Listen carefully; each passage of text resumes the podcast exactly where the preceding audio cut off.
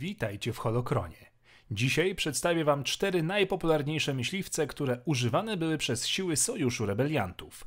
Materiał, zainspirowany grą Star Wars Squadrons, którą serdecznie Wam polecam, dotyczyć będzie w całości obecnego kanonu, a konkretniej omawiać będę modele najczęściej występujące zaraz po zakończeniu Galaktycznej Wojny Domowej, czyli po historii znanej z powrotu Jedi. Zapraszam. Zaczynamy od znaku rozpoznawczego świata Gwiezdnych Wojen, czyli X-Winga. Poprzednicy tego myśliwca to myśliwce z okresu wojen klonów, m.in. Z-95 Headhunter, chociaż podczas projektowania wzorowano się również na myśliwcu AR-170. Model, który najlepiej znamy z filmów, to myśliwiec T-65B oraz C, wyprodukowany przez Incom Corporation oraz myśliwce T-70 i T-85 produkcji Incom Freitag. Te jednak były używane już znacznie później, m.in. przez Paul Damerona. Dodatkowych modeli, rzadziej używanych, było kilka, m.in. B-Class X-Wing czy też T-65C A2 X-Wing. Myśliwce te brały udział w niezliczonej ilości bitew rozgrywanych zarówno w filmach, jak i w animacjach czy na kartach powieści i komiksów. Podczas ataku na tarczę ochronną Scarif widzimy model T-65. W ataku na Gwiazdę Śmierci brało udział 30 myśliwców, z czego 22 to właśnie X-Wingi. X-skrzydłowce znane były ze swojej wytrzymałości, sporego uzbrojenia oraz całkiem wytrzymałych tarcz ochronnych. Nieco mniej zwrotne niż A-Wingi, gorzej radziły sobie w walce jeden na jednego z TIE Fighterami, ale nadrabiały to siłą ognia oraz wyrzutniami torbet protonowych. W kanonie, jak i w legendach zresztą, X-Wingiem latał praktycznie każdy szanujący się bohater sagi. Do najważniejszych należą Luke Skywalker, Wedge Antilles czy wspomniany wcześniej Paul Dameron. X-Wingi stanowiły także najczęściej trzon doskonałych zespołów pilotów takich jak Eskadra Łotrów czy Eskadra Widm.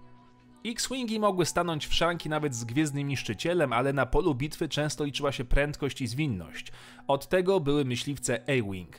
Wyprodukowane przez Scout System Engineering wychodziły w czterech modelach: R-22 Spearhead, RZ-1 A-Wing Interceptor, RZ-1T Trainer oraz RZ-2 A-Wing Interceptor. Model, który znamy z filmów, to RZ-1, zastąpiony około 30 lat później w szeregach ruchu oporu przez model RZ-2. A-Wingi były dość poczciwymi maszynami już za czasów wojny galaktycznej. Pierwsze bitewne loty tych modeli odbywały się na 18 lat przed bitwą o Jawin. Podczas roku zerowego A-Wingi nie przypominały już statków sprzed lat. Większość myśliwców była pozbawiona tarcz ochronnych oraz ciężkiego uzbrojenia na rzecz zwiększenia prędkości i zwinności. Statki miały za zadanie dorównać zabójczo szykim TIE Fighterom oraz miały ścigać i niszczyć powolne TIE Bombery. Statki te były na tyle sprawne, że używano ich jeszcze podczas bitwy o Jakku jako wsparcie dla innych jednostek. Co ciekawe, A-Wingi poznajemy dopiero w filmie Powrót Jedi. W poprzednich częściach klasycznej trylogii nie były widoczne na ekranie. Myśliwiec tego typu pilotowany był przez dość mało znane postacie, warto tu jednak nadmienić niejakiego Arvela Krajnida oraz oczywiście Asokę Tano, gdy ta należała do eskadry Feniksa. Gdzie działo blasterowe nie pomoże, tam potrzebne są bomby. Te natomiast transportowane były przez Y-Wingi, myśliwce bombowe produkowane przez Concierge Manufacturing. Ze stoczni zaczęły wychodzić już za czasów wojen klonów i podobnie jak reszta myśliwców służyły przez kolejne dziesięciolecia. Tyle, że w postaci nieco innych modeli. Najważniejsze z nich to BTL-B Y-Wing oraz jego następcy BTL S3 oraz BTL A4. Ten ostatni model widzimy w filmach. Brał on udział również w bitwie o Scarif, jak i w bitwie o Jakku. Mimo bycia bombowcem, Y-Wingi nie należały do powolnych i ociężałych, nadawały się także do bardzo długich lotów dzięki specjalnemu systemowi recyklingu paliwa. Działka blasterowe i wyrzutnie bomb protonowych zapewniały odpowiednią ochronę, a niektóre modele wyposażone były w dodatkowy fotel przeznaczony dla strzelca z obrotową wieżyczką blasterową. Niestety statki wyjątkowo mocno się grzały, a ich system chłodzenia był trudno dostępny, dlatego często rezygnowano z dodatkowego poszycia pancerza, by ułatwić naprawy. Y-Wingi były szczególnie przydatne podczas bitwy o Endor, gdzie ich zadaniem było bombardowanie i osłabianie tarcz ochronnych gwiezdnych niszczycieli Imperium. Ze znanych kanonicznych postaci, które siadały za sterami tego bombowca, mamy m.in.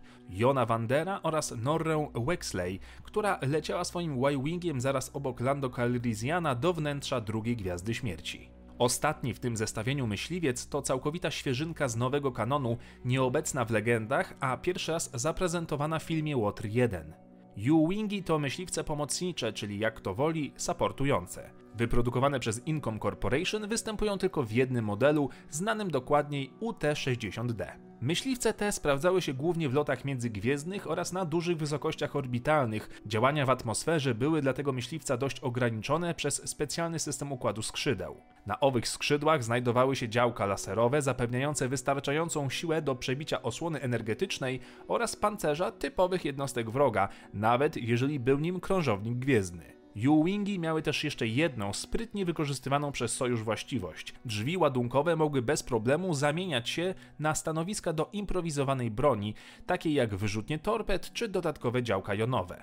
Gdy nie było takiej potrzeby, myśliwiec mógł wykonywać pracę, do której był stworzony, czyli transportu żołnierzy na pole bitwy, dając im przy okazji wsparcie ogniem. Jednostki te były szczególnie pomocne podczas bitwy o Skarif. Ze znanych pilotów można tu nadmienić Kairosa oraz K2SO, który za pomocą tego myśliwca pomagał w przeprowadzeniu akcji odbicia Jyn Erso zaraz obok kapitana Cassiana Andora. Również Aiden Versio zasiadała w myśliwcu, tyle że nie jako pilot, a pasażer. Dzięki za oglądanie, szczególne podziękowania dla patronów serii i niech moc zawsze będzie z wami.